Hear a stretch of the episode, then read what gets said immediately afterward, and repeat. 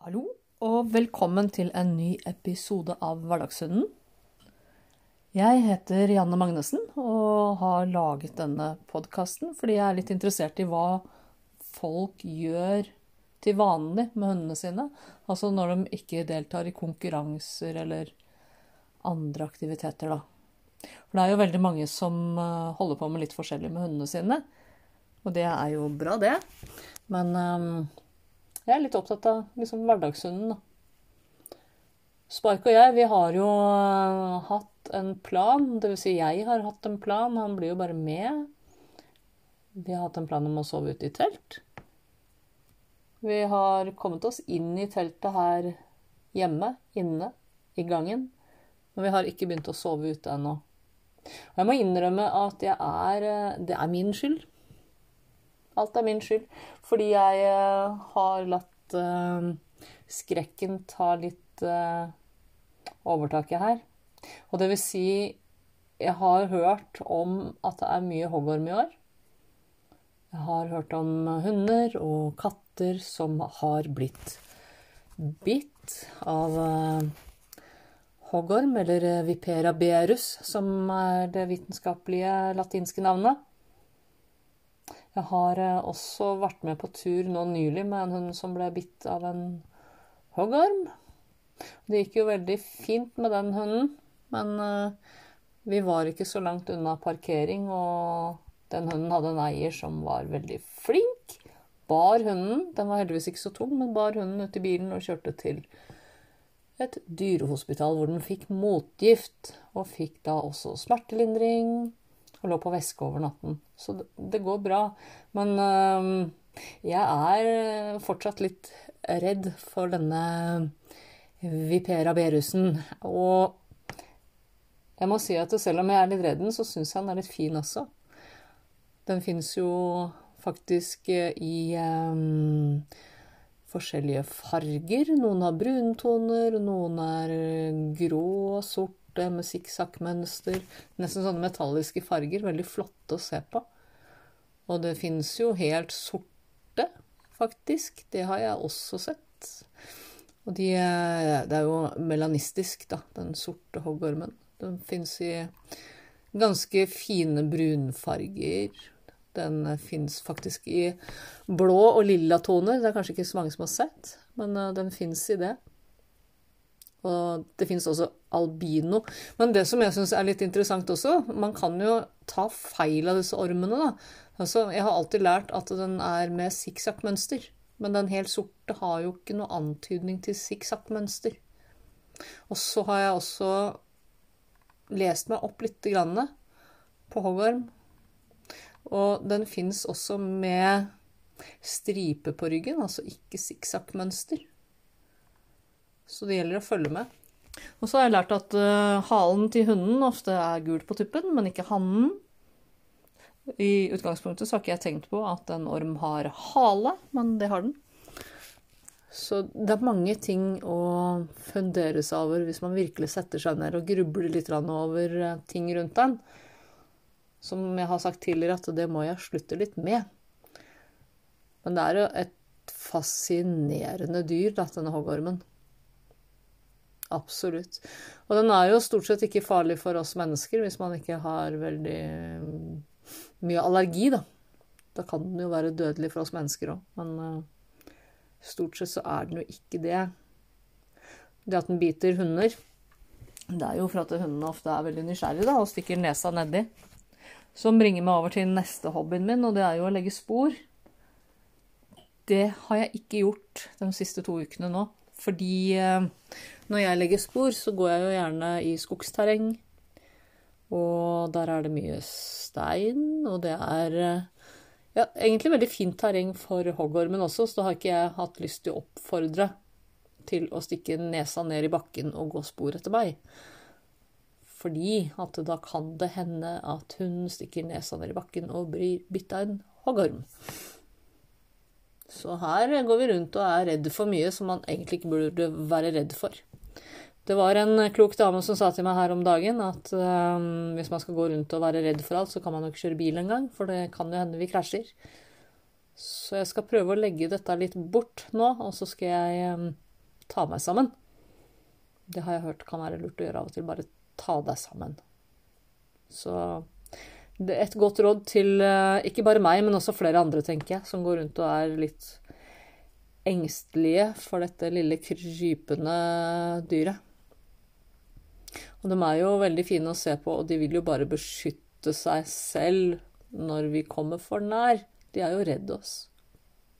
Noe som bringer meg til et annet tema, og det er veldig mange hunder i dag. De bjeffer og utagerer mot andre hunder når man går på tur. Og jeg har jo hatt uh, utfordringer med Spike. Han uh, har skadet seg, og han har hatt uh, smerter i bein og nedre del av ryggen. Og da i tillegg til denne skaden han fikk i kjeven.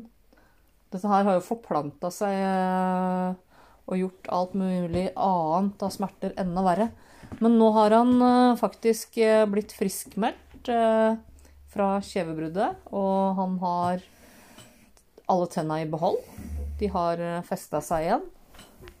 Og de lever, og de er hvite og fine. Så um, det er jo utrolig bra, da. Men alt dette her, det gjorde jo til at han Han skjuler smerte. Og da har han på en måte spent seg litt, og så har han brukt kroppen litt annerledes og så kompensert litt. Og dette her har jo ført til at han har jo da hatt vondt uh, i hele kroppen, egentlig. Det har til og med gått litt utover synet. Og um, det er jo ikke så rart han prøver å skremme andre hunder unna, da. Eller folk. Når, eh, når de kommer for nær. Når han har vondt, som han egentlig vil skjule.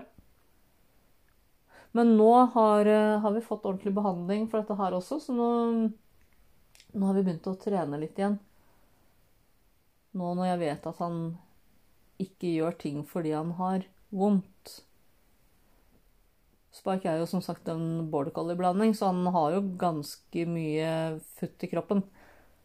Og eh, han trenger en del stimuli for å ikke finne på, hva skal man si, bøll.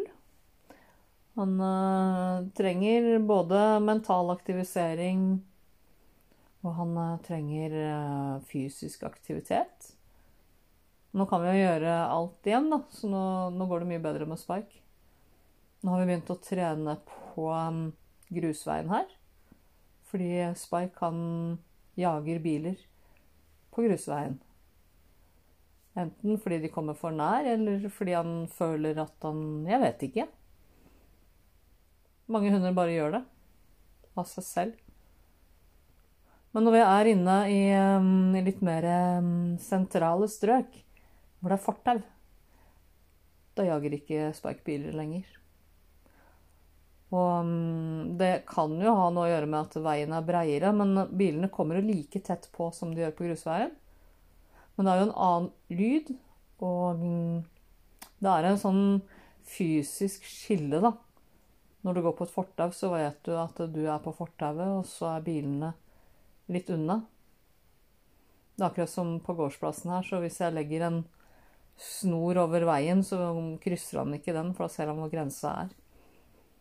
Det kan handle om noe sånt å gjøre òg, at han ikke helt vet hvor han skal gå, hvor bilen skal kjøre.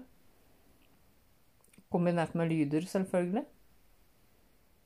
Han reagerer også mer når det kommer bil med tilhenger, enn eh, når det kommer en vanlig bil. Så i går så gikk vi langs grusveien her. Vi hadde to økter, faktisk. Vi gikk først en liten tur. Jeg hadde med meg godbiter for å avlede, for å se hvordan det gikk, da. Hvor jeg hadde spark på siden min, sånn at vi hadde god kontakt.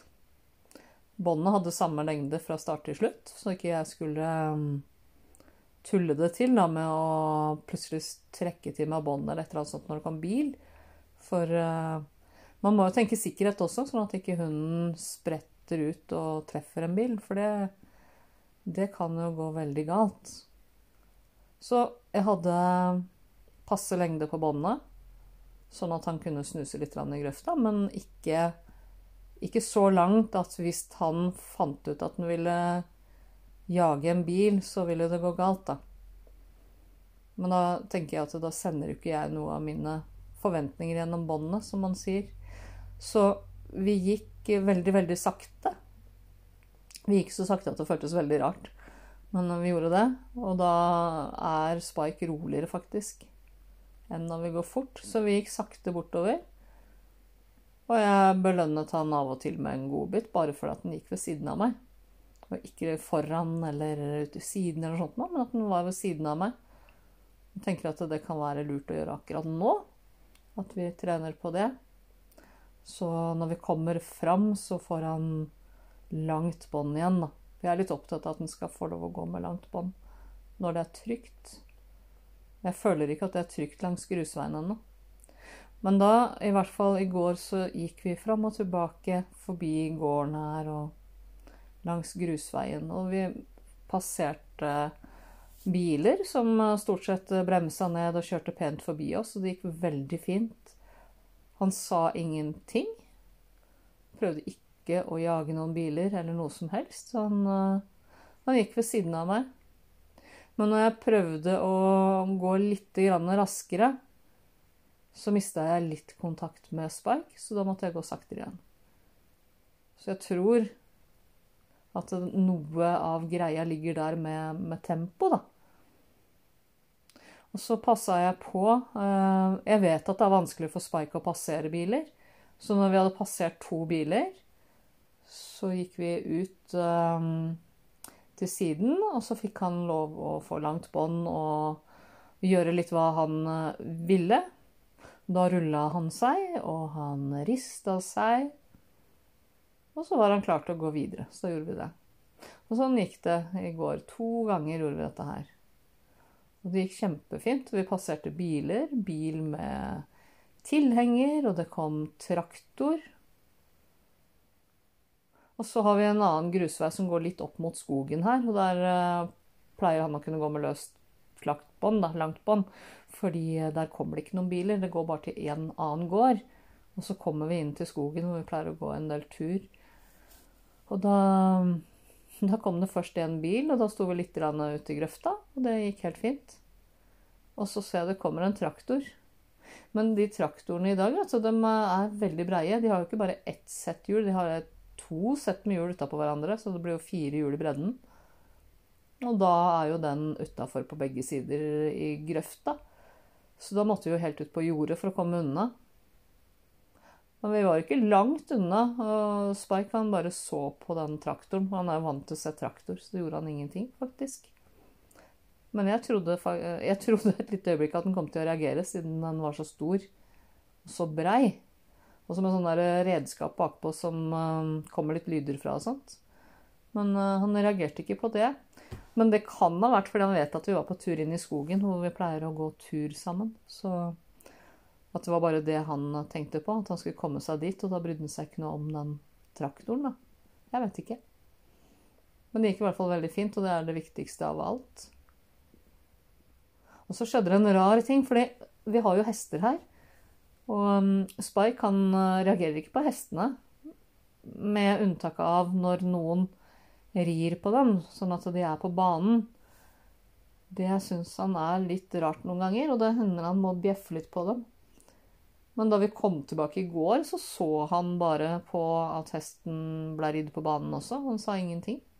Og jeg prøvde ikke å få noe oppmerksomhet heller. Så han begynte ikke å bjeffe før, uh, før vi fikk besøk. Da da ble han så glad, så klarte han ikke å holde seg lenger.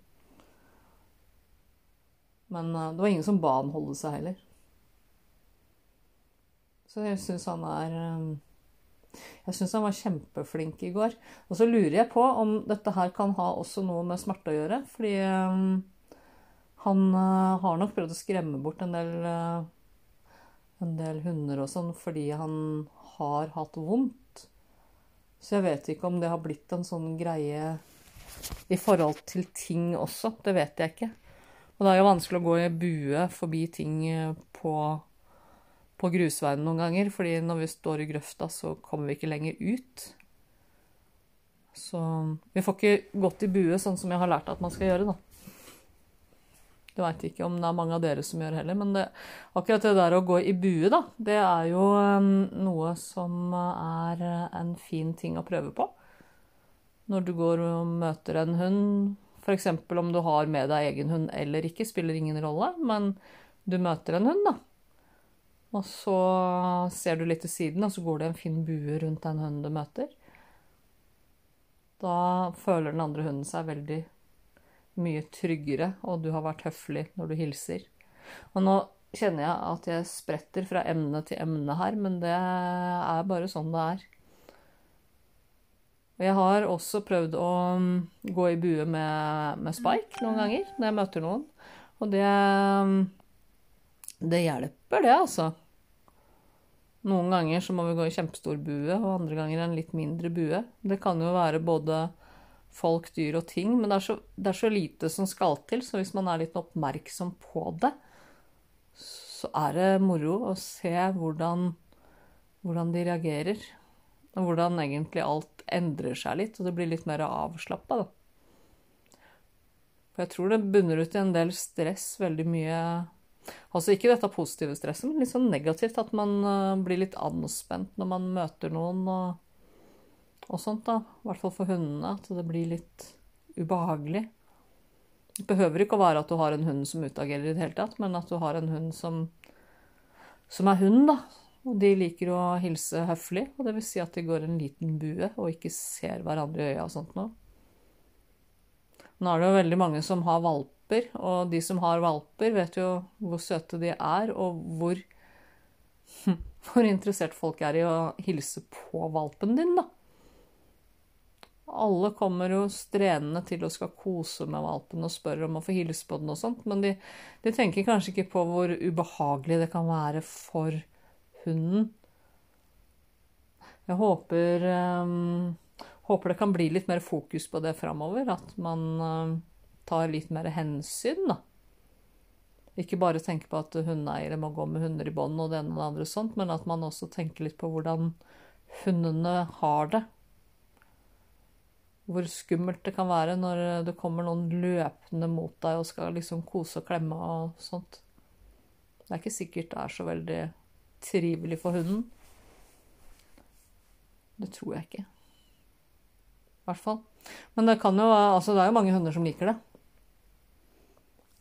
Eller liker det, altså de, de godtar oppmerksomhet, i hvert fall. Spike og, og Nila, som bor ved siden av her, de kommer jo bort for å få kos.